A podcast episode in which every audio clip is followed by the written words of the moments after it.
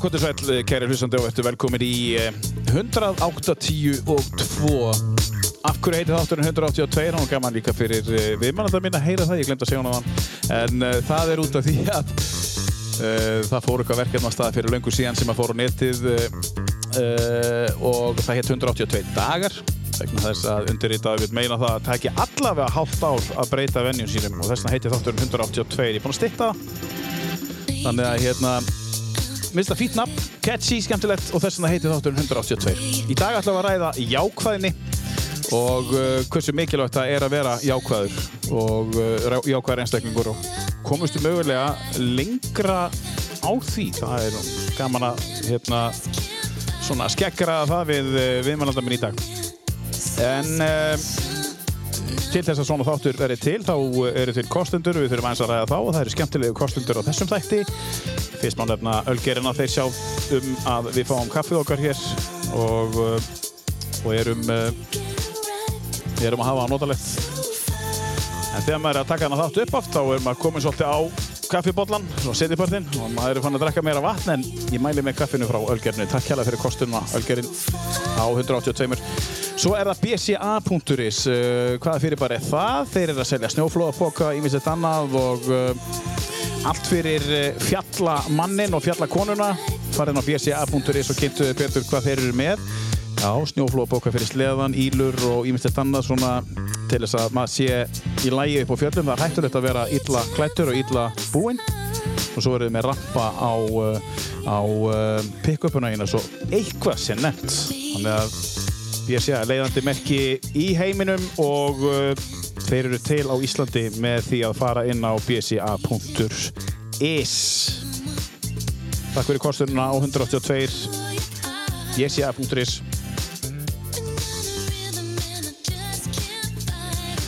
Og svo er það þriði og sá síðasti í, í þessum þætti, það er atomos.is. Það vita allir uh, hvað CBD-ólja er í dag og uh, það er ekki allir prófað eins og er. Það er þessi hampfræ, hampfræ sem er, já, uh, þetta er unni úr hampi, þessi ólja er unni úr hampi og það er búið að taka allt þetta leiðilega úr þessu bara, veist, við þurfum ekki að ræða það fyrir ekkert. Það er búið að taka örfanda efnin úr þessari hampólju og úr verður frábær ólíja sem að lagar uh, hjá mér allavega liðamót og ýmislega þannig og ég er 48 ára að verða og hérna og það er svona að fara að riðga hér og þar. Og eftir tíu daga á CBD ólíunum frá Atomos þá bara einfallega er ég bara orðin já, eins og allavega tíu árum yngri eins og kannski eins og kannski maður vil vera. Mér líður allavega þannig. Ég mæli með atomos.is það er þannig Uh, mögulega fyrir við að bjóða einhverja uh, afslætti í gegnum atomos.is uh, það erum að gera að fylgjast með farði inn á síðuna og sjáu það er hellingur um að vera hjá þeim. Og það er þessi CBD ólja þú getur lesið þér allt til um það inn á atomos.is takk fyrir kostununa á 182 en við ætlum að vera jákvæð í dag og við erum alltaf jákvæð og það er mjög mikilvægt að vera jákvæður. Um, og hafa rétt á orku í kringu sig. Taland um orku, það er komin tíminn uh, skemmtilegur og, og mjög jákvæður, uh, já hann er jákvæður uh, viðmælandi, hann heitir Kjartan Sigursson, hann er CEO, mann kallar sér það, Chief Energy hérna, Officer, viltu segja okkur hans á þessu? Er þetta rétt hjá mér? Þetta er rétt. Já, Chief Energy Officer, segja okkur hans af hverju þú vilt kalla þessu orku, af hverju þú ert ekki Executive Officer? Sko, Byrjum á því. Kannski aðalega út af því að hérna... Velkomin. Já, takk að kella fyrir og takk að kella fyrir að fá mig. Takk Ótrúlega gaman að vera komin í þetta tíðin. Já, takk fyrir að koma. Alveg þannig. Nei, sko, ef við pælum í þessu hérna CEO eða Chief Energy Officer Mhm. sem að ég hérna sem ég er mjög skemmtilegur titill að að bera. Ég er ekkert volað mikið fyrir titla. Nei, ég heyrði það. Ég var alltaf að reyna eitthvað. Á hvað ég segja og setja okkur? Nei, ég er um bara kjartan. Það er svolítið þannig. En hérna, ég las þetta í í hérna, ef ég maður rétt bókinu sem heitir The Energy Buzz Já. sem að hérna, mjög, mjög skemmtileg skemmtileg lesning Mhm. að þar er að fjalla um það að þetta væri náttúrulega hlutverk þeirra sem eru að stjórna það að vera að ná fram því í besta í, í fólkinu kringu sig og Mm. það er kannski svolítið sem að ég um, ég er að vinna dagstælega, þú veist, mér langar að hérna, fyrsta lagi, þú veist, stuðla því að hérna, heimurinn verði bara þetta er mjög stórt sko, að heimurinn verði bara jákvæðar í grunninn sko, en, en maður þarf að byrja smátt, maður þarf að byrja sjálfum sér og, og síðan byrja fólkið í kring að geta hjálpa því að hérna, að vera besta útgáðan og, og vera jákvæð og, og einblýn okkur frekar að jákvæðinni frekar en neikvæðinni þó svo, þú veist, ég ætla ekki að taka frá því að neikvæðin getur verið mikilvæg líka. Við þurfum, þurfum neikvæða hluti til þess að geta vaksið við vöksum ekki alltaf bara í hérna á bleikaskínu sko. Nei, það er eitthvað stopp þar algjörlega, þú veist að við þurfum stundum að reyka okkur á hluti eða hvernig það er til þess að geta vaksið Já, að, en, en í grunninn að vera jákvæð þengjandi að getur komanið tölvöld lengra í, í öllu sem maður gerir dagstælega um, hvenar, hvenar, svona áður og segja okkur svona betur hver þú ert hvenar, hvenar byrjaði þú að stilla þig af svona því sem mannst eftir í? Hvað varstu gammal, mannst eftir í Sko, hefur alltaf verið svona sko, ég, já, ég held ég hafi alltaf verið sko jákvæðari heldur en neikvæðari. Mm -hmm. ef ég orðað það þannig. Þú veist það, hérna, einhvern veginn sko, og það kemur náttúrulega kannski líka út frá veist, uppeldinu já, að hérna, ég er náttúrulega bara mjög heppin með, hérna, með uppeldi. Hvernig þá? Það er bara elst upp á sveitabæ. Já, og hérna ég kannski sá það ekki þá en ég sé það eftir á að það var gegja en hérna að, hvað maður að segja, maður var alltaf manni var þrýst reglulega út fyrir það einðar mann, maður var reglulega láta hann gera hluti sem að hérna sem að kannski, þú veist innan gæsalappa væri ekki kannski eðlilegi fyrir ung, unga krakka. En það hefur gert það að verkum að fóra að horfa á hlutina þú veist, frá því sjónarotni sko. kannski, maður þurfti að finna lausnir á hlutum. Já, þú veist, og engir tveir hlutir í sveitir eins. Mhm. þú gerir aldrei saman hlutin aftur já, það er svo veist, það er svolítið þannig, ég meina þú ert að eiga við lifandi verur já, já, meinar, já, já, þannig að ég meina þau eru með tilfinningar líka. Já, alveg og við. Eru dýrin jákvæð? Það er góð spurning, já, mjög góð spurning. Ég, Já, í grunninn held ég það Sveitinni. og þau pæli kannski ekki alltaf mikið í því en ég meina það fyrir eftir náttúrulega eftir dýrinu skilur mig og mm. hund, já, alltaf brósandi hann er alltaf brósandi sko. já, veist, og, það er, og það er eitthvað sem að ég, þú veist, væri gaman að sjá sjá okkur vera meira, við erum með ómikið að hlutum kannski sem er að trubla okkur, við erum með ómikla hérna, hundarnir kannski hafa ekki hvað ég segja, svona mikla trublun dagstælega, svona mikið mm. noise í kringu sig. Hann er besti vinnu mannsins, einhver hluta vegna. Ég meina það, já, einmitt, algjörlega. Já. það er sennilega af því að við leitumst í mm. það er aldrei í fæstum tilvikum mikið stress í kringum hund. Nei. í fæstum, kannski einhverjum. Þannig að ef maður vil vera besti vinnur einhvers þá er það bara að brosa og að vera jákvæður, eins og hundar algjörlega, og það er náttúrulega einn hlutur skilur við tölum um brosið, að brosið náttúrulega er mm. sko, brosið er mest smitandi hlutur í heiminum. Já, það er bara þannig. Veist, og hérna við, sagt, eh, og málega það ef við ákveðum að brosa, við getum ákveðið að brosa. -hmm. og það sem gerist þá í hausnum á okkur er það að við förum að finna jákvæða tilfinningar. Alveg saman hvort við erum leiðið ekki. -hmm. það er bara eitthvað mekanískur ég veit ekki hvað það er sem gerist en það er sem sagt þannig að þú þvingar á því bros að þá allt í henni fyrir heilin að skinja hérna, bara, heyrðu það er eitthvað í gangi og þetta er rannsaka, þetta er algjörlega, Já. þetta er rannsakað. Þetta er staðreynd. þetta er staðrind Já. og hérna, hún talar einmitt svolítið mikið um þetta hún er Amy Cuddy heitir hún Já. hún hérna uh, kynntist henni fyrst þegar ég að, hlusta, að horfa á TED TED Talks og þá var hann einmitt að fjalla um það hvernig hún getur nota líkamstjáninguna líkamstöðuna til þess að breyta hvernig þið líður já, og einn af þeim hlutum er einmitt brosið sko því að þú þvingar á því bros þó þið líði kannski ekki sem, ve- sem best og þetta hljómar náttúrulega, þú veist kannski ekkert allir sem eru nei en hérna ef þeir testa að þvinga og þeir tekst að þvinga það í smá tíma að þá endanum sko fyrir heilin að skinja það er eitthvað í gangi af hverju manneskjan að brosa -hmm. ég ég að senda jákvæðni hormón um líkamann Einmitt. og þá endanum fer manni mögulega að líða betur -hmm. þannig að bara það að brosa getur gert þetta Já. og það er náttúrulega líka brosið ég meina það gerir það að verka um að fólk sækist í mann það nennir enginn að vera í kringum mannesku sem er alltaf með skeifu á andlutinu sko. Nei, það er rétt. viljum freka snúinu við En Kjartan, segja okkur aðeins í grunninn hver þú ert. Þú ert, uh, og þú, þú, þú lærið þér alveg og, og segja okkur aðeins hvað þú gerðir og þú ert marktjálfur líka í grunninn og, og segja okkur aðeins frá þér, svona ára höldum áfram. Já, ég var að byrja bara á byrjunin Já, já. Já, já, ég sérst að fættur upp alveg eins og ég sagði hann í sveit mm. á Suðurlandinu og hérna elst þar upp í, í fyrstu 16 árin, klára grunnskólan og hérna en 16 ára þá ákveði ég að fylgja draumunum sem maður hafði um, að- um hérna frama í knattspyrnu. Já, og hérna það var vist ekki hægt á flúðum það sem ég, ég elst upp en hérna þú varst að æfa þar. Já, sem sagt við, já, Já. ég sem sagt við byrjum knattbyndudeildina þar þegar ég er 12-13 ára. Já, á stopnum við félagarnir knattbyndudeildina ok fundum þjálfara og hérna gert. fórum, þetta var æfintýri Það setur mig, það, það, það kemur ekki óvart að þú hefur verið með stopna bara þá knarsbytundil þetta er, uh, þú veist, að við, við erum að fara að ræða þessi mál, þetta, af hverju þú ert svona. Mhm. og ég er alltaf að reyna að finna einhverja svona, já, þetta er mögulega einn punktur, ég ætla að tjekka við þetta. Alltaf frá fyrirgeðu Já, ekkert mál. Nei, nei, en þannig að við séum að stopnum hana eða sem sagt fáum að stopna hana innan ungmennafélagsins.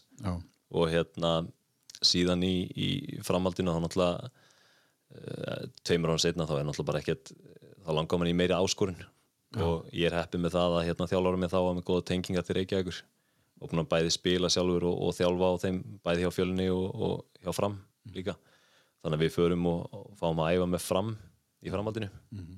Þannig að 16 ára þá flytti til Reykjavíkur og fer í mennskólinu sund og fer bara að æfa fullu Já. í bænum. Já, og svo sem var aldrei með neitt plan skólalega að sé hvað ég ætlaði að gera. Ég ætlaði bara alltaf einhvert út í í mennskuna sko. Þú ætlar að vera atvinnumæður þú það var, var alltaf planið. Þú varst með þrjú plön? Já, Já, ok, þú segir okkur frá því á eftir. Já fyrir við hans eftir. Og, það, hérna, og þetta var eitt af því Mhm. alveg klálega og þessum tíma var það sennilega þú veist, hvað ég segja, svona mikilvægasta markmiði fyrir mig. Mm. og ég svo sem hef aldrei pælt í af hverju það var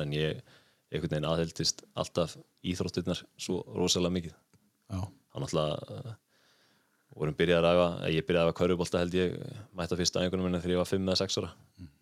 Og alltaf mikil körfubolta hefði á flúðum. Það er svoleiðis. Já, við Ah. einum tímapunkti ekki að, veist, að reykja sjálfum minn eitt en, en þá vorum við þriðja besta lið á landinu í mínum valdsloki. Já, já, og eftir? Mástu það? það var Njarvík og Já, þetta augljósa. Já, mér langar að segja að það hefur verið hérna, mér langar að segja að það hefur verið keflæk en Já. ég samt ég man það ekki alveg sko, það var Njarvík og það var eitthvað eitt en Þóra Akureyri. Mögulega, nei, ég, Ég segi svona. Nei, nei, en þetta, er, hérna, þetta var mjög, mjög skemmtilegt og þetta mótaði mann líka mikið og maður hefur líka átt að segja því alltaf setna mér þegar maður horfði tilbaka hvað íþrótunar hafði mikil mótunar áhrif á mann sko. Voru viniðinir í íþróttum? Já, ég, það voru allir. Þú, veist, þú, þú komst ekkert upp með það við Nei. mættum í skólan eða fórum í skóla bílinn klukkan 8 Já, skólinn byrjaði 8.45 og svo það vorum við bara, já, mjög fínt. Já. En þá vorum við sko síðan bara á flúðum því ég bjóð 12 km frá bænum að þá vorum við bara á flúðum þangað til klukkan yfirleitt alla daga 6, 7, 8 því það voru bara æfingar frá fjögur til. Já, meinar. Körubolti, fóbolti og allt saman. Það var aðalega kar- karvan sko. Tímumúti var held ég að æfa með þremur flokkum á sama tíma. Já, alltaf ekki verið 12 eða 14 æfingar í viku. Já. það var bara fjör sko. Já, vá Bara eins og atvinnumæður, 16 sinni viku 16 tímar viku. Já, þetta var bara, en þú veist þetta var sem maður gerði. Já, já, veist, það var bara að sinna sveitstörunum, fara í skólan og sinna íþróttunum. Já, og eins og ég segi þetta það er náttúrulega gífilega mótandi áhrif á mann setna mér sko.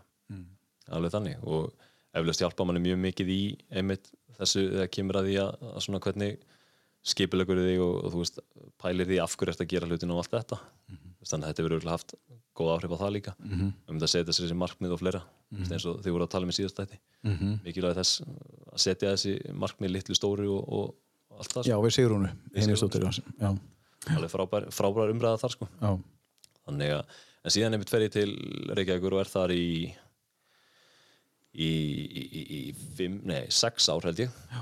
þá ætlum ég að flytja í bandaríkjana mm. og fer í nám við Coastal Carolina University í, Suðu Karolínu Já. Og hérna klára bæði síðan grunn og, og meistarnám í viðskiptastjórnin Já. og í meistarnáminu mínu var ég með svolítið áhersluna á leiðtoga fræðin sko Mhm. svona hérna svona hvað er það sem að drífu fólk áfram, hvernig nær maður því best út úr fólki og, hérna, og hópum og hvernig byggjum maður upp lið og allt Já, þetta já, og þessi hluti náttúrulega tengjast allir í íþrótuna líka já. Fórstu með það uh, að vettu út af íþróttunum? Já, ég fer út, uh, fer á skólastyrk úti í fótbolta Já. og hérna uh, já, fer uh, aðalega, þú veist, þetta hefði líka verið eitt svona þessi draumur sko að fara ef að atvinnumennskan hefði ekki virkað hjá manni að, að maður ekki náð henni að, að þá var þetta alltaf svona, þú veist, maður langaði að fara til til bandaríkjana og hérna svolítið sjá heiminn og, og stækka sjóndildarhingin og geta þá nýtt íþróttirnar í það var alveg frábær einsla -hmm. og náttúrulega tengingar og annað sem maður hefur myndað sem maður hefði ekkert gert annars En, en sko, svo kemur heim og, og þú flyttur beint til Akureyri Nei, sko, ég klára námið Já.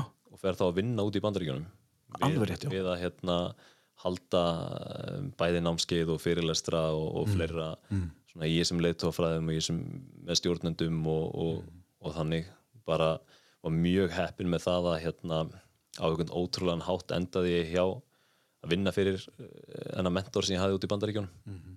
og hún kom mér svolítið á þessa braut sem ég er í dag Já, að hérna vera að pæla rosalega mikið í þessum hlutum og aftur eiginlega því sama sem var í náminu að, að ná því besta fram í fólki -hmm. og þú veist og bendi mér á svolítið leiðina sem ég er búin að fara síðan -hmm. og þannig að hérna Já, þú lærir þá það í rauninni sem þú ert að, að því við erum alltaf að koma að þessu námskeiðu sem þú ert að uh, byggja upp núna já, og ert að fara með á milli fyrirtækja. Er- Er það byggt upp að hluta til sko, þessu?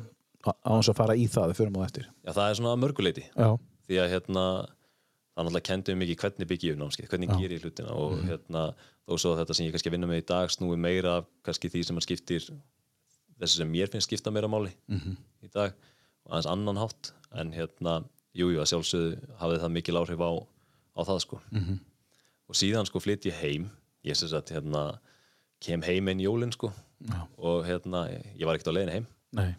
En kynnist yngu konunni minni um jólin. Já, bara hlutinir bara í ykkur jólabóði Já, hlutinni, og hlutinni gerast bara Já, já. nánast sko. Og hérna, hlutinni gerast síðan bara gífilega hratt og ég flutti heim þremur mánuðum senna, Já, já, bara, þú veist þegar maður veit að það veit maður það. Er bara, já, já. Og þú vissir það. Þú vissir það þá. Það já, er alveg- ég hef ekki að segja það. Þú veist, það er alveg þannig. Og hérna ég flytt heim og flyttir ekki ekkur og, og erum þar sérst ég fer að vinna við Eimskip þá. Já, og hérna vinna við sölu og Eimskip. Og hérna síðan þegar við eignum stóttir okkar þá hérna þurftum við svolítið ákveða hvað við ætlum að gera. Og ég gat fengið að flytja inga norður. Já, sölustarfið og hérna hjá Eimskip þannig að við ákveðum að koma norður uh, 2000 og voru 2018 já. Og við verið hér síðan. Að Og líður vel á Akureyri? já, þetta er bara geggjað. Það er alveg hérna frábært að búa hérna. Þú veist, það er svona þetta er mikið mikið rólera samfélag. Já, og þú veist náttúrulega það sem akkurreiningar vita náttúrulega þú ert þrjár til fimm mínútur allt. allt sem þú ert að fara. Og það hefur gífilega mikið með lífskeið að gera. 15 mínútur út lappandi nákvæmlega og ég meina ég er sérst að flytja fram í sveit núna fram í Efrasveit og hérna á Hrafnagil. Og ég meina ég hjólaði vinnun daginn ég á 24 mínútur. Já, 10 kilometra eitthvað 10-15 km manni hvað er langt. Og, og þetta var þú veist þú veist klukkutíma úr Kópói niður í Eimskip á einmitt þannig að þú veist að, græða þarna þó þú hjólir í vinnuna klukkutíma. Já, hugsa þér. Þú veist, þannig að í heildina. Já. þannig að gífileg lífsgæði við, við að búa einna og bara líka samfélagið er er bara virkilega skemmtilegt mm. -hmm. og það er svo sem sko oft talað um það að það er erfitt að komast inn í samfélagið Mhm. en þú veist ef að hugafærið er rétt þá var ekkert vesen Nei.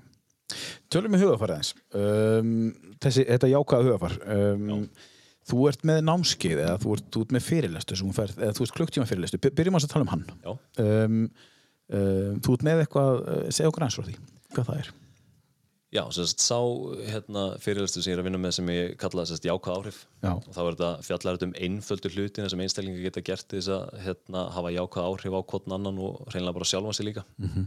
og hérna hann er sem sagt svolítið byggið svolítið upp á með því að, að sko, þó ég segi einfaldir hlutir þá er einfald ekki alltaf auðvelt Nei, og stundum erfitt er mér þess að mjög erfitt Já. Því að oft er það þannig að þegar við horfum á einföldu hlutina þá er það þannig að, hérna, að þetta eru hlutinni sem er, standa manni þann nálægt og maður veit þetta svo vel að maður gleymir þessu. Emmitt, já, já, akkurat góð mútur þú veist að þetta eru svona veist, hlutir eins og hérna, bara líkamstjáning sem dæmi. Veist, við, við pælum ekkert mikið í henni Nei. en bara jákvæð líkamstjáning getur gert það að verkum að fólk nenn að tala við þig. Getur þú nefnt mér dæmi um jákvæða líka stjánugu bara, þú veist uh, bara sem dæmi þú veist, ef þú stendur upp, stendur beitn í baki kassin út eða þú veist, og ert ekki að setja henduna fyrir framann að loka á líkamann á þér. Það snýst- Brosir. brosir, brosir er einmitt mjög stórt og hérna og góð leið til þess að vera með jákvæða líkamstjáningu. Mhm. og, en í grunninn sko, ef við horfum bara á líkamann sjálfan Mhm. sleppum andlutinu að þá snýr það náttúrulega að því að þú sért að opna á líkamann þær Mm. og þú sért að bjóða fólki til þín og það sem gerist þegar þú ert þar Já. að þá lækkar streitu hormónin líkamann með kortisol Mhm. og testosterónið hækkar þannig að öryggið hjá sjálfum þér þú veist, þú verður öryggara með það sem þú ert að gera mm. sjálfströst eikst og stress fyrir niður Frábær blanda. Þú veist, þú færði ekki betri koktel sko. Bara þannig því að sko, þannig ertu að hérna, hvað ég segja þú, þú ert að setja sjálfa þig upp fyrir árangur, Bara fyrir þetta litla. Sem er eins og ert að segja litli hlutir. algjörlega Sem geta verið erfiðir. bara með því að opna sjálfa þig Já. sem er alveg pínu, pínu magna ég minna að það er oft talað um það sko að hérna, það er betra fyrir þig áður en þú ferðin í hérna, bara erfitt samtal eða launavittal eða reynilega ert, í, ert í skóla og ert að fara í próf mm. að staðin fyrir að vera undibúaður rosalega mikið síðustu myndina fyrir það sem þú ert að fara að gera þá getur þess vegna verið bara, ég meina startu farði í Wonder Woman stöðuna og, hérna, og startu þannig í tvær mínútur þá ertu líklega til svona árangri í því sem þú ert að fara í heldur en að þú ert að undibúa þig rosalega mikið sko. Út af þessa efnafræðilegu sem að gerist í líkamannum. algjörlega Stress niður og testosteronu upp. algjörlega, fólk vil vera í kringu fólk sem er örugt Já. veist, sem er Já, jákvæmt algjörlega. og, og, og býður upp á samtal og spjall og, Mhm. og, og þannig og á sama tíma náttúrulega, maður er með neikvæða líkanstöðu Mm. þá náttúrulega fer, þá er akkurat öfugt sem gerist, þá er öfugt koktel sko. Getur maður lært jákvæða líkanstöðu á þessu námskeiður? Já, við förum aðeins yfir hana sko. Já, við förum aðeins yfir þetta og Já. ég meina, fólk gerir æfingar ég læta standa upp og ég læta prófa ímislegt og, og hérna Finnst fólki það er, erfitt stundum? Já, ég meina fólki finnst alltaf hérna, hvað maður að segja þegar, maður, eh, sko, þegar, þegar þeir er aðeins ítt út fyrir þægindaram Já, einmitt. að þá er það yfirleitt aðeins erfitt í byrjun Já, en svo leiður þú ert búin að taka skrefið já, þegar meiri sér fóturinn bara laður að stað út fyrir þægindaram að þá, hérna, að þá verður þetta ekkert mál veist, í flestum tilvíkum að þá hérna, hvort þið er allir bara að hlæja og hafa gaman sko. En erum við á mikið inn í kassanum kjartan? Veist, erum við á föst? Af hverju erum við svona hrætt, að, ta að taka skrefið út fyrir? Þennan, þennan kassa sem er svona öryggi og það sem við tökum streituna og við geymum hana þarna og kvíðan og allt saman, þú veist, og þú veist. Ja, við erum að tala nú að livjalaus, við erum ekki að tala um einn liv í þessu tilfelli, við erum að tala um bara um, ég er ekki að segja að þetta kom í staðin fyrir liv, ég er að tala um bara, Nei, nei, þetta getur hjálpað. Þetta getur hjálpað, veist að, Þetta er svona einfalda leiðin til að hjálpa. En af hverju er þetta svona erfitt fyrir suma? Sérst að stíga út fyrir Já, þægindaram já, um, Ég held í mörgum tilvíkum er það að það er óvissan sem er fyrir utan. Já, skilur, þú veist, þú veist ekki hvað er. Þú veist, og, og náttúrulega sko, þegar maður talar um að stíga út fyrir þægindaram þá er maður ekki að tala um að hoppa eins langt og þú getur út fyrir hann. Nei, heldur það maður að passa sig að taka réttu skrefin hverju sinni, sko, og réttu skrefin fyrir sig og uh, áttaði svolítið á því einmitt eins og þið voru að ræða um daginn þú veist, af hverju er ég að taka þetta skref? Já, þú veist, maður þarf að pæli því líka þú veist, af hverju á ég að breyta því sem ég er að gera í dag? Þú veist, hvað, hvað mun það gera fyrir mig? Hvaða áhrif mun það hafa á bæði mig og fólk í kring? Þú veist, er þetta jákvætt neikvætt? Mm -hmm. að pæli því. Þannig að hérna, ég held að þetta sé sva- að, af hverju fólki finnst það óþægilegt. Mhm. að það veit ekki hvað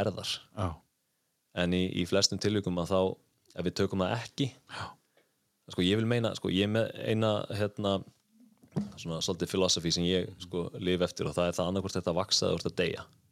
Á, ok.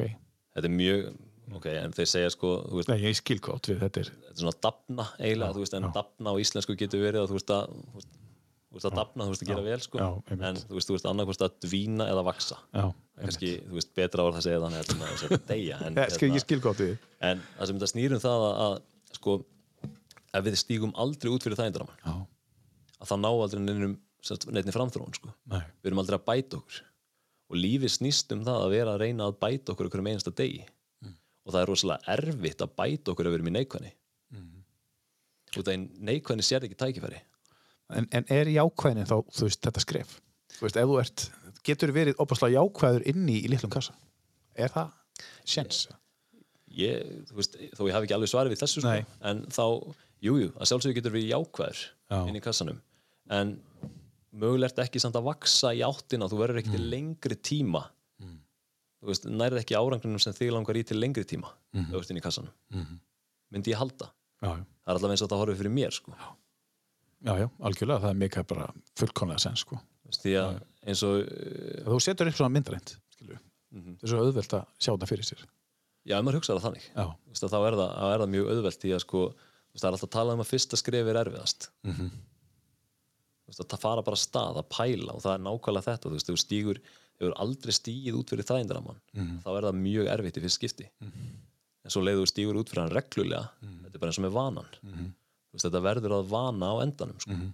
og þá náttúrulega stækkar þægindaraminn Þetta er eins og þú ert markþjáli og þú fórst í gegnum það nám sem er krefjandi fyrir marga og stundum bara ekkert svo brjálaslega krefjandi fyrir aðra bara, já, þetta er bara, þú veist, eitthvað. En þá er einmitt þetta, þeir sem er farið gegnum markþjála námi, ef ég, ef ég tel mig hafa rétt uh, fyrir mér í því að ef þú ert duglegur að stíga út fyrir hennar ramma mm -hmm. þá er þetta ekkert svo rosalega krefjandi þetta er bara skemmtilegt, en fyrir þá sem eru fastir inn í rammanum, þá getur þetta verið bara svona persónuleg, bara árangur bara, bara að, að taka eitt skref, bara pínlítið skref út fyrir ramman í þessu námi, ef, ef við tókum bara námið og ég meina markþjála námið er náttúrulega geggjað í það að íta út fyrir þægindaramann já, einmitt veist, og menn fyrir náttúrulega að gera það á sínu forstum líka. Veist, ég við ekki að þegar ég byrjaði í náminu þó ég hef verið að þjálfa sérst, markþjálfa eða var í coaching úti Mhm. að ég hef aldrei farið gegnum námi í þessu. Nei, og það að gegn, gegnum það það opnaði á ansi margt. Já. Og ég viðkynna alveg að fyrstu, fyrstu 2-3 skiptin að ég var pínu bara hvað er ég komin í sko.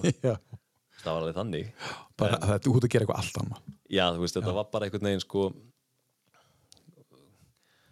þú veist maður var alltaf að reyna svo mikið já, í staðan fyrir að leifa þessu bara að gerast. Já, einmitt. Svona svolítið í þá samt í þessu umhverfi. Já, skilur þú veist að vera ekki svolítið að, að taka mitt skrefið og í staðan fyrir að vera að láta aðstæðunar hafa áhrif á sig. -hmm. skilur og ég verða að vita hverju svara næst ég verða þá bara sitja tilbaka hlusta og leifa einstaklingunum að tjá sig og vera til staðar. -hmm. og vera til staðar á góðanhátt -hmm. og það er þetta sem út að segja að þegar þú stígur út fyrir hennar ramma sem er búin að vera rosalega voru fastur í kannski lengi, lengi, lengi að það er einmitt þetta að þú bara skiptir ekki máli, ég má gera mistök. Á þessum, ég má gera mistök það skiptir ekki reynu máli, ég þarf ekki að kunna þetta. Og það sem er Og svo er mikilvægt þarna sem þú ert að segja er svo geggjað sko. Því að mistök eru svo mikilvæg. Já, ef við erum ekki að gera mistök mm. sko, þú getur að horta mistök á tvennskonar hátt. Annars er eitthvað sem að, sko, á neikvæðan hátt eða jákvæðan hátt. Og mistök eru ofbóðslega mikilvæg að það er rétt. Ef þú getur stíið tilbaka stíið út úr mistökunum og reynda að sjá ok, hvernig get ég lært af þessu? Hvernig get ég gert það að verkum þetta gerist ekki aftur? Þú veist, hvað var það sem ég tók frá þessum mistökum? Veist, við gerum öll mistök og ég held bara daglega sko, í já, einhverju Þú veist 100% að við förum aldrei í gegnum heilan dag að þess að gera einhvað sem við vorum ekki alveg mm, kannski hefði verið, þú veist. Hefði kannski getið gert öðruvísi. Einmitt. Ekki það, þú veist, mér finnst mikilvægt að sjá ekki eftir því sem við gerum í lífinu en þarna, við getum alltaf sko, mistök eru mjög mikilvæg að við lærum að þeim. Og við horfum á þetta sem lærdomsferli og þess að máttu gera þau, skilur Já, og það er það sem ég finnst svo mikilvægt og einn af þessum hlutum sem ég tala um sko á námskeiðinu að það er sem sagt að þessi uppbyggilega gaggrinni sem á sér stað. Þú veist að, að gaggrinni eða uppbyggilega gaggrinni mm -hmm. er svo mikilvægt að við áttum okkur á muninum þarna. Já, og ég vil svolítið nota millinguna varandi gaggrinni að gaggrinni er svona eins og hérna, einstemnugata ef við upplifum eitthvað sem einhver gerði og við gaggrinum einstaklingin að þá er gaggrinni bara ég að segja þér hvað þú gerir ránt já, einmitt. En ef við förum í uppbyggilegu gaggrínina þá erum við að gaggrina fólk af því að við höfum þeirra og heildarinnar hag að leiðaljósi þú veist og þá þar sem uppbyggilega gaggrín gerir er það í staðin fyrir að vera einstaklega að þá erum við með axastöfni báðar áttir. Og það sem ég meina með því að þá erum við eiga í samtali. Við erum eiga í samræðin veist, ég er að leitast eftir að skilja af hverju gerist þetta og ég er að að hjálpa og við erum að að hjálpa okkur öðrum að átta okkur á því hvað var að eiga sér staðana til þess að við getum komið í vekk fyrir að það gerist aftur. Og þetta er kannski munurinn á, á, á að vera Chief Executive Officer og Chief Energy Officer að veita þessa orku að algjörlega. Að orkan til þess að veist, einmitt þetta sko að, að leifa fólki að gera mistök. En leifa þeim að gera mistök á þann hátt að það sé lært af mistökunum Finnst þér að, að, að fyrirtæki ættu að stjórnendur, CEOs í fyrirtækjum ættu að taka þetta meira til sín? Og getur lært þessu meira að, í staðan fyrir að segja og segja þetta er svona. Sko, Uppróp, taka upprópunamerkin út og setja meira í spurningamerki? Já sko veist, sínin sem ég hef svolítið á þessu er svo að hvað það maður að gera til þess að láta fólki líða vel? Já, og hvað það maður að gera til þess að láta fólki líða eins og það skipti máli því það sem við erum að lei, öll að leitast eftir í lífinu er það að við viljum skipta máli. Það er ekkit endilega sko hérna staðan eða, eða launin eða vinnuast þetta sem skiptir okkur öll og við viljum að við skiptum máli. Þannig að ef að stjórnendur taka sér til og, og færa sér aðeins meira yfir í það að vera þú stjórnar hlutum en ekki fólki. Þú verður að leiða fólk. Þú verður að vera leiðtógin fyrir fólkið þannig að og, og með því að vera einmitt leiðtógin þá ertu að íta undir það að fólk megi gera kannski það sem er ekki, þú veist, gengur ekki alltaf upp. Þú veist ekki að segja að maður sé endilega rámt heldur að ræða hvað gerðist. Einmitt. Þú veist að þú ert að eigi í samtalinu. Og jújú, jú, mér finnst að stjórnendur megi vera dugleiri við og í mörgum tilvikum, ég meina að það eru margir sem eru þar nú þegar. Já, já, ég er ekki að segja allir sko. Nei, nei, nei. En, en mér finnst bara svo mikilvægt það að sko, þú, þú stjórnar ekki fólki, heldur verður að leiða fólk. En einmitt. Og það sem ég ávið með að leiða fólk er að, er að vera til staða fyrir fólk, að, að tala við það að, hérna, að stöðla að því að fólk megi vaksa og eins og ég sagði á hann, vöxtur kemur úr því að gera eitthvað sem er ekki, alltaf, gengur ekki alltaf upp. Þannig að jú, ég er alveg sammála það, það er mjög mikilvægt að við sko, hvað maður að segja, oft á tíðum þá er svo mikil hraði. Já, að fólk þarf að leifa sér að hæja þess á og, og vinna í þessu. Já, vinna í því að, að hlusta hvað fólk hefur að segja. Já. Og hlusta til þess að skilja, ekki til þess að svara. Þú veist að vera með virkulhustunna Mhm.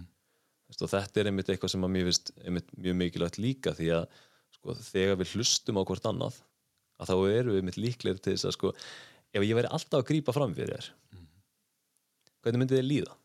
Já, maður veit, maður veit hvernig mann líður það maður er einhvern veginn hættir að tala veist, maður bara hættir. Algjörlega. Og væntanlega ef ég er alltaf að grípa fram fyrir þér þá mynd þú ekki leitast í það eigi samskipti við mig. Nei, góða punktur. Veistu, að þú, Ég fer eitthvað annað. Að þú verði eitthvað annað. Já, algjörlega. Og það sem er að gerast þarna er það að samband okkar traustið á milli okkur okkar, það er náttúrulega er, sko, við erum ekki að byggja á réttu. Við erum ekki að mynda þessi tengst við erum ekki að mynda þetta traust sem við þurfum. Því að lífið byggist á traustið ekki? Jú, jú Grunnurinn. Grunnurinn er traust. Já, þannig að við þurfum að vinna því dagstæli að byggja það upp á, á, á jákvæðan hátt. Það er mjög erfitt að byggja upp traust í neikvæðni. Kjartan, ég er fyrir fram að síðuna en þannig uh, það nættu til að Chief Energy Officer hjá KC. K-A-Y-C Þetta er líklega, ég grunar þú takir þetta nafn frá mataríkunum og skallaði KC út eða er það rétt í mér? Eða, Já, sko, Já. Ég, það var mjög fyndið þegar ég, hérna, ég flytt út. Já, þá sem sagt hérna ég man að við mættum sko að ég mætti hvað var það, tveimur að þrem vikum en skólinn byrjaði bara því að hérna, undirbúinist tímabili í fótboltanum byrjaði svo snemma. Já, að ég sérst mæti þarna og er, er keirður út á fótboltavöllina sem strákarnir voru að spila, voru bara að leika sér í fótbolta. Og ég hitti eitt strákin og hann alveg mjög, það strákur var New Orleans mjög svona lítill nakkur sem heyrðist mikið í sko og mjög líflegt í kringum hann alltaf. Lappar beint upp að mér og bara heyrðu, hérna, what's your name? Og ég, hérna, með mína flottu ennskoðu sem tíma kem bara, my name is Kjartan. Og hérna, svolítið eins og bara Terminator mættir sko. en hérna hann horfir á mig í svona 2-3 sekundur kemur "Nah, from now on you're K. Veist, þeir Þeir nota bara þetta. Ja, þeir eiga bara erfitt með líka þeir geta ekki sagt K og J saman. Nei, já, ég skil og svo geta í fæstum tilveikum rúla tungunni. Mm, Já, ok. Þannig að errið já. að það heyrðist aldrei. Ég, Það er magnað. ég mun aldrei gleyma þegar ég var verið að veita mér eða að þegar ég var að fá skýrtinni mitt þú veist, þeir eru útskrifast. Kjartan Sigurðun Nei, þetta var sko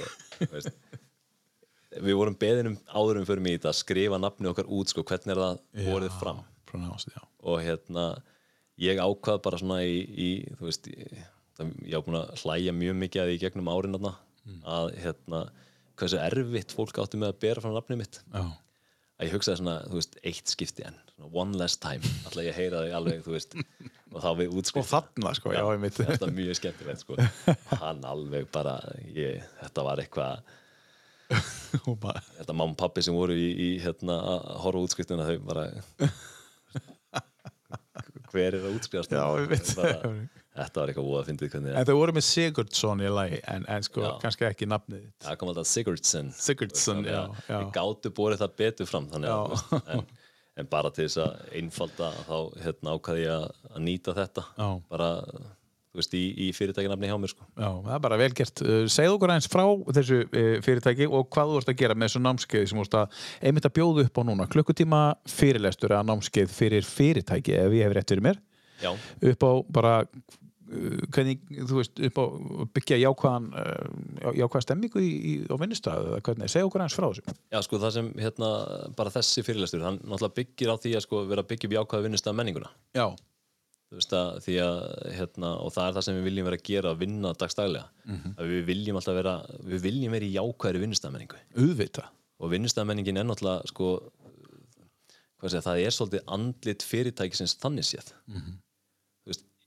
og inn á við talar oft um það sko að hérna, ef eitthvað er brotið innan þá getur það ekki litið út fyrir að vera heilt að utan Nei, ég skil. ef eitthvað er ónýttað innan að þá getur það ekki verið heilt Nei.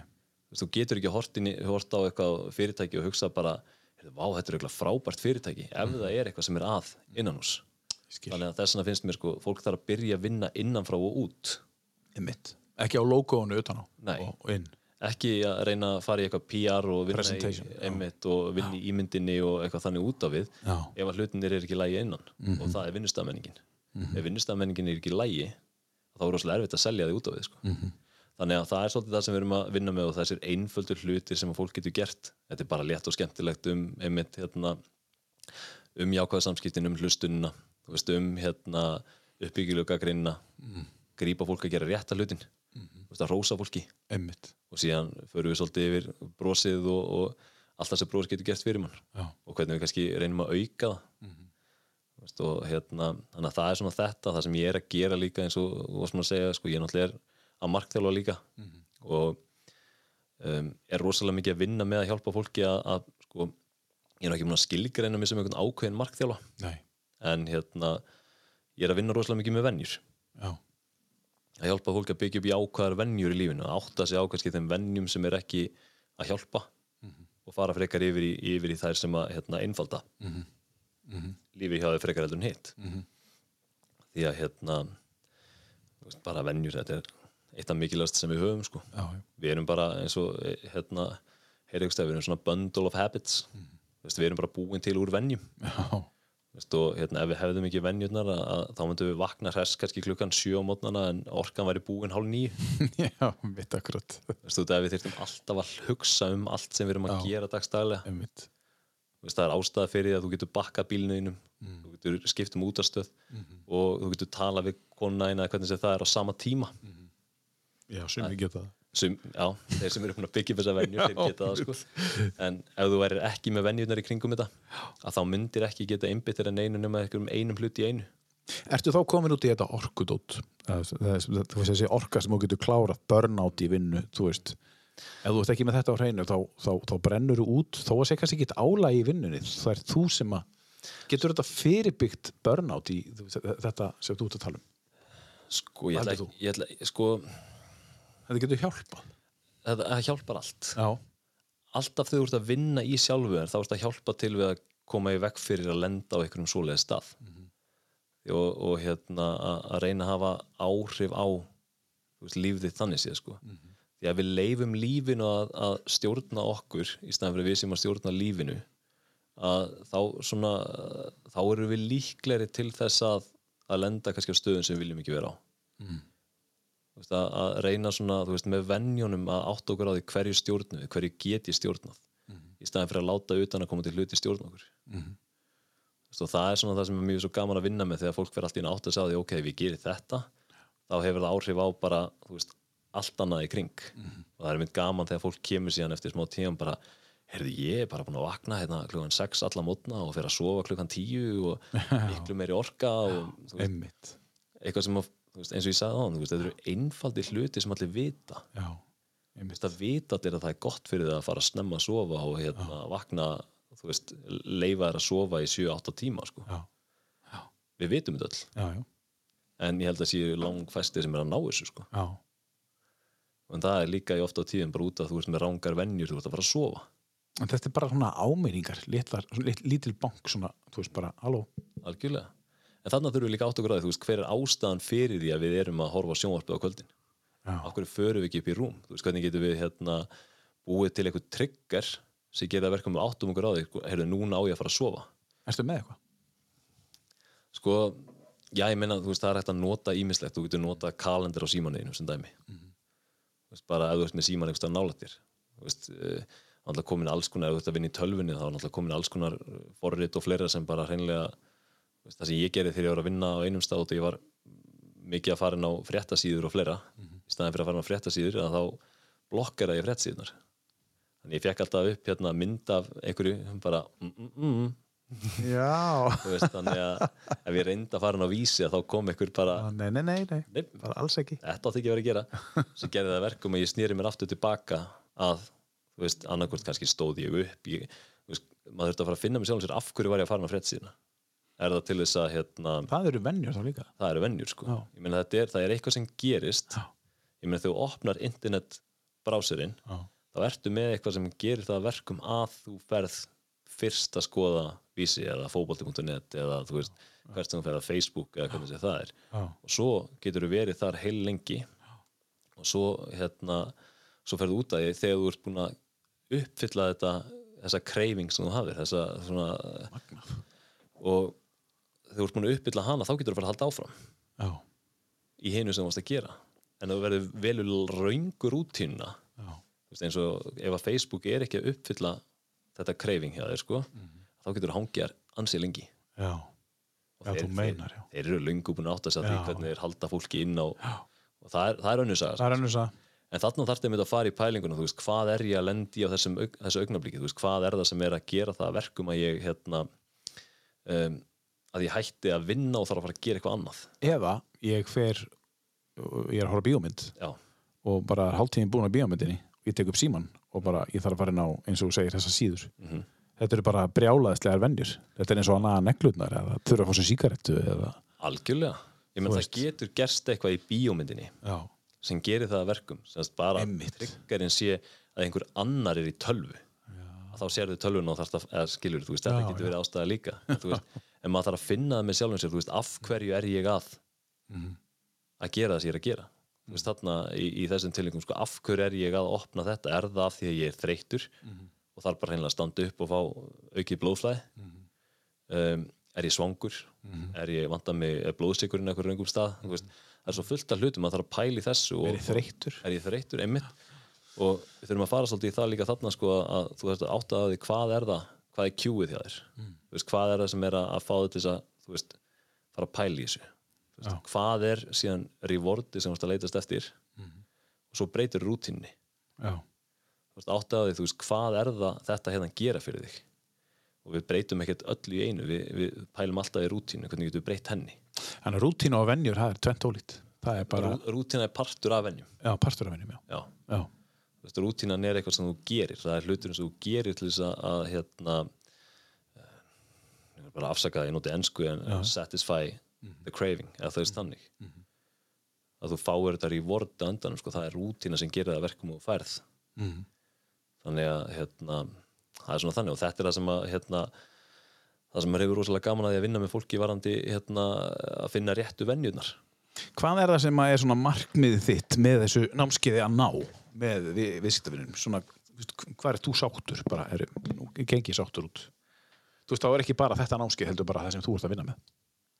sko ég hérna ég er með ansið svona skemmtilega hérna skemmtilega hlut sem að ég vil meina að ég vinni eftir þú veist og það er það að hérna um, að ég er drefin af því að hjálpa fólki að verða betri útgáð sér sjálfum því ef að það verður betri útgáð ef þú eru betri útgáð þér þá eru líklegir til þess að fá heiminn til þess að verða betri í kjölfarið. Þetta er mjög svona hérna, En skiptir þið máli að heimurinn sé svona fallegur? sko það skiptir mig máli að fólki líði vel í, hérna, í því umhverju sem það er í. -hmm. og við erum miklu líklegir til þess að líða vel ef að, ef að annað fólk ef að öðru fólki líður vel líka það er oft talað um það, þú veist meðaltalið af þeim fimm sem þú ert mest í kringum. -hmm. þannig að þú ert með fólk sem er hérna um, sko, ef þú ert með fólki sem er ekkert voðalega skemmtilegt þá ert þú sannlega ekkert voðalega skemmtilegur. En ef þú ert með mjög jákvætt fólki í kringu þá ert þú sannlega mjög jákvæður einstaklingur líka. Laðaðu til þín alltaf besta og alltaf Já, þú veist, þetta, er, þetta hljómar alltaf rosalega mikið svona auðvelt og svona hérna, upp í og fallegt og, Fallegt og þetta og- er það. Þetta er það, það er rétt. Það er bara að finna leið til þess að tilenga sér þetta en svo leiðu sko, þú veist, þessi köllun er komin sem er sko að hjálpa öðrum mm. þá er maður líklega að fara að lifa það sjálfur hún er svolítið sterk hjá þér eða? já, ég, ég hérna alveg frá því varst lítill strákur eða? já, hún hefur alltaf verið það og svona, ég kannski átta mig samt ekkert á því almennilega fyrir en, þú veist, þegar maður fyrir að horfa tilbaka mm. þú veist, eins og Steve Jobs sagði, þú veist, þú tengir ekki hlutinu fyrir eftir á Mhm. þú getur ekki áttaði á leiðinu sem þú ert að fara eða hvert hún er að fara að leiða þig fyrir hún bara horfið tilbaka já, þannig gerist þetta, þannig gerist þetta þú veist, þetta eru hlutinu sem mótuð mig á leiðinni sko. en þegar ég fór einmitt að hugsa um sko, þegar ég var að tengja þessi leiðtóafræði við þessar pælingar allar og allt sem ég, maður hefur gert og ekki það að það sé mjög merkilegt en, en hérna allt sem maður hefur komið að í, í tengslu við íþróttur og fleira að ég var aldrei besti leikmaðurinn á neinum stað. Þú veist, ég var aldrei besti fótboltamæðurinn en einhvern veginn tókst mér að, að sko, verða fyrirlið, já, einmitt. Þú veist, mér tókst að hérna, og alveg saman hvort ég var með eh, hérna, bandið eða ekki að, að það var alltaf þú veist, það var alltaf leita til manns þú veist, það var alltaf verið að spurja og, og pæla og, og allt þetta og þá fór maður að veltaði fyrir sér hvað er það? Mm veist, af hverju er þetta að gerast hjá, veist, hjá mér en ekki hjá öðrum? Check, markmiði náð. Algjörlega, þú veist svona mögulega þetta er það sem hún kannski að presentera að þú veist, þú þarft ekki að, þú, þú gerir þitt besta sem já. en þú getur eins og að gert miklu meira til þess að fá fyrirliða bandið og það er það sem telur kannski svolítið já, ef líka, við setjum þetta í samingi já, og kannski þetta líka sko að hérna sko, við getum þú getur með frábæra einstaklinga í öllum störfum í öllum stöðum. En ef þú ert ekki að hérna, en, en þið munið ekki ná frábærum árangrin um að fólk sé að vinna saman. Þú veist, og þá þarf oft þennan þessa einstaklinga sem að geta verið svona svolítið hérna, komur að segja óljan á tannhjólinn á milli einstaklinga líka og mér langar að sem flestir séu þar. Já, þú veist, ef að flest, sem flestir eru þar þá mun þessi vél, þessi smur veist, þá mun hún ganga miklu betur. Þú veist, og, og samskipti verða auðveldari. Þú veist, það verður minna um hvað maður segja, svona konflikt á vinnustanum þú veist, að, að fólk nær betur saman fólk hefur ga meira gaman af því sem það er að gera. Ég skynja svolítið þetta er ekki bara að vinna fyrir þið, þetta er passjón svolítið já, þetta er, þetta er alveg mikið það er bara svona þú ert að tala sko. Bara, ég bara, þú veist, maður hefur upp þú mútið gera þetta fyrir engin laun. Já, já, já. En þú veist, þetta hjálpar það, maður þarf víst að lifa. Já, þú ert að lifa En, sko hérna, en, en þú myndir ná, nánast gera þetta bara því þetta er bara í hjartanu. Þetta er þannig sko. Já. Þú veist, og hérna um, hvað maður að segja, þetta er svona bara hlutur sem að þegar maður áttaði sig á þessu Já. þá var þetta svo skýrt. Já, Já þú setur allt saman. Þegar maður setur allt saman sko. Veist, þá var þetta svo skýrt veist, maður áttaði sig á því og þegar maður, sko, þegar maður kemst þanga áttaði sig á því fyrir hvað þú veist, maður stendur og hvað maður drýfum mann áfram. Já, að þá er miklu auðveldar að halda áfram. Ummitt þess vegna finnst mér alveg mikilvægt að fólk taki mitt eins og pælingarna sem þið voru með síðast varandi af hverju er ég að gera það sem ég geri. Já, þú veist, og, og taka pælinguna svolítið dýbra heldur en bara þú veist, af því að X skiljum, heldur þá maður að taka þá X-ið sem maður kemur upp með og spyrja sig af hverju það? Já, veist, maður þarf alveg að taka þessa af hverju spurningu sko, fjórum, fimm, sex jafnvel sjö sinnum við hvert svar til þess að átta okkur á því alveg í grunninn hvað er það sem er að íta okkur áfram. Og mögulega líka í samskiptum bara við næsta aðila að algjörlega, þannig að þetta sé ekki alltaf á yfirborinu já. Því að þú veist, að yfirborði getur litið rosalega fallega út sko. Já, en ef að, sko, þetta er alltaf talað um, myndlíkingi með ísjakan Já, einmitt, já. sér Sér 10% toppinn, á honum. 10% já. en 90% er fyrir neðan, sko. Og tröstið kemur líklega ekki á yfirborinu Það kemur hérna í afhverju, afhverju, afhverju hérna neyri það er mjög erfitt einmitt að, já, þú byggir ekki tröst í, í þú veist, þetta er bara, þú verður að byrja á botninum, sko. Mhm. þú verður að byrja á grunninum, sko. Og þú, þú ferð yfirleitt ekki, ég meina, við treystum ekki einstakling sem veit rosalega lítið um okkur. Nei. Kannski veit hvaðan við erum og hvað við gerum þetta, en, en þekkir okkur ekki Og sýnir ekki áhuga og sýnir ekki áhuga við treystum þannig einstakling ekki það er bara þannig Mhm. þannig að sko ef við getum farið að, að eiga í þessum sko, opnaru jákvæðari samskiptum Mhm. að þá munum við fara að kynnast öðrum mikið meira Mhm. sem gerir það að verkum að netið okkar stækkar og við munum fara að hafa jákvæðari áhrif á fólki í kringum okkur Mhm. Og þegar við höfum jákvæð áhrif á fólki kringum okkur þá, veist, þá opnast fullt af hörðum sem að, sem að voru lokaðar fyrir sko. Já. En sko, þú hlýtur að að því að þú svolítið að tala þú talar um, um ef við tölum um svo- þetta sem er að gerast á yfirborinu og, og það, það er svolítið mikið ef ég tala bara sjálfum mér Mhm. svolítið mikið í kringum mig á yfirborinu en svo eru færri einstaklingar sem ég kemst neðar með Mhm. og þá er ég að tala um bara fólk sem er næst mér sko. við erum að tala um fjölskyldumæðlim og allt sem er bara yfirborð um, svo ég einn og einn og einn vinn sem ég kemst þannig niður með. Og það er allt, allt annað sam, samband á milli mín og vina mína þar. Og þá, get, þá er ég basically, ekkert að þeir eru eitthvað bestu vini mínir, ég finn bara að þeir eru betri vini mínir heldur en hinnir, mm -hmm. skilum mig bara, hverju myndur þú treysta, þessum og þessum og þessum. Af hverju, ég bara veit það ekki. Þú veist, en það er einmitt þetta sem er að koma í gegn núna. Að því við förum einfallega bara á dýpra level þegar við tölum. Sko áhugalega sétt, við þurfum ekki að segja eitthvað hvernig mér líður, við að já, eh, góð spurning. Þá kem ég eftir á, þetta, þetta, er, þetta, er, þetta er svolítið djúb markþjálun Já, ég, markþjálun er þarna. Já, já, hún er það. Og þetta er þannig alveg líka og ég meina, sko, ef þú hugsa líka um veist, aftur þegar við erum að tala um hvernig jákvæð áhrif hefur maður á hvern annan. Veist, oft á tíðum þegar við erum með fólk sem að er hérna, ekki komið neðar að þá erum við aldrei að upplifa eins og við skiptum það þannig sem máli. Nei. Skilur mig, þú veist, það er tekin upp síminn þegar við erum að tala, þú veist, það er hérna við fáum ekki fullkomna aðtikli þú veist, það er gripið frammi fyrir okkur þegar við erum að tala þú veist, það er, okkur er bara aldrei látið líða eins og við skiptum máli þér er ráðlegt endalaust. ráðlegt, ráðlegt, ráðlegt algjörlega, þér er aldrei leift að koma með sem sagt, eh, bara frá sjálfum þér sko. nei, nei. þannig að þetta er svona eitt, eitt hlutur sem allavega ég vil meina ég meina, fólk getur verið ósamála því líka en þetta er það sem ég vil meina hafi gífulega mikil áhrif á það að þú farir að komast á dýftin, þú farir að treysta og allt þetta. En fólk sem er búin að vera lengi, lengi, lengi á þessu yfirbúri kemst það þannig góð spurning. Veist það, ég meina ég vil sko ég hugsa já, þú getur komist þangað. Já. en þú þarf náttúrulega fyrst að átta því af hverju vil ég fara þangað. Og þú ert líka að skilja það myndrænt líka hvar er ég? Algjörlega. ég er á yfirbúrinu bara, heyrðu, mér langar að komast neðar. Algjörlega, þú veist, við þurfum að pæla í þessu. Við þurfum að taka sko það er það er bara holdt og gott fyrir alla reglulega að taka pælinguna, þú veist. Eh, hver er ég í dag, af hverju, og þú veist allar þessar pælingar, þú veist, hvað er samband mitt við þennan þú veist, og hvað er jákvæmt við það, hvað er, get ég bætt og, og, og fara reglulega í gegnum þessa hluti, því að sko ef við erum ekki að tjekka okkur sjálfum og tjekka á sambandunum sem við erum með reglulega það er ekki annar að tjekka þeim fyrir þig. Nei, þannig að við þurfum alveg að taka þessar pælingar reglulega og hérna spurja okkur bara er ég að gera það sem ég á að vera að gera? Þú veist þá er ég að meina á að vera að gera fyrir veist okkur sjálf sko. Mhm. þú veist við getum aldrei verið að vinna eitthvað fyrir eitthvað annan nei, í grunninn. Það er hárið að en Kjartan, hvernig getum maður náði í, þig og, og, og bóka þig, þig uh, og, og hérna fengið til lýsir mann í, vinnu eða í hópum eða hvernig sem er? Hvernig næ, nær maður í þig sko það bara það má hafa samband í, í gegnum e-mail og það er ksig at ksig.com mm -hmm. uh, k-a-y-s-i-g já, Já. Já, og svo hérna svo er líka hægt að bara finna mig Kjartan Sigursson á Facebook já, líka eða um, ég held, jú ég er með Facebook síðu líka. Já. minni það.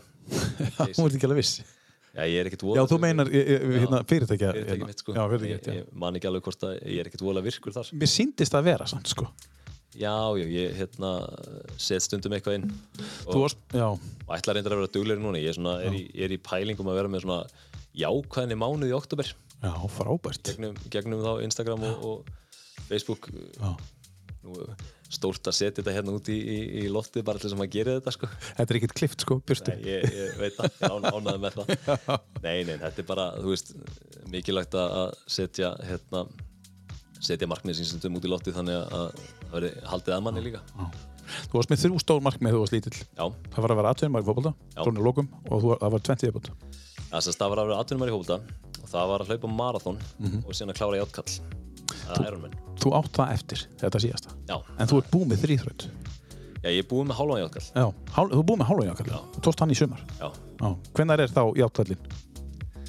sko ég, ég lofaði því ekkert tíman fyrir ekkert svo lengu og ég ætlaði að fara á heimsmeistaramóti í játkalli á næstu 5 eða 10 árum. Mm -hmm. Þannig ég þarf að klára allavega fyrsta játkallin eftir svona 2-3 ár. Frábært markmið. Gangið vel með það Takk hella. Og allt annað, Kjartan Sigursson, takk hella fyrir að koma. Takk hella fyrir mig. Búið frábært að hafa þig og hérna, mm, kæri hlustandi, takk fyrir að hlusta. Þú finnir okkur á Facebook. Eh, uh, 182 líka við þáttinn, þá veistu hvað er að gerast og hver er að koma. Og aftur, takk hella fyrir að hlusta.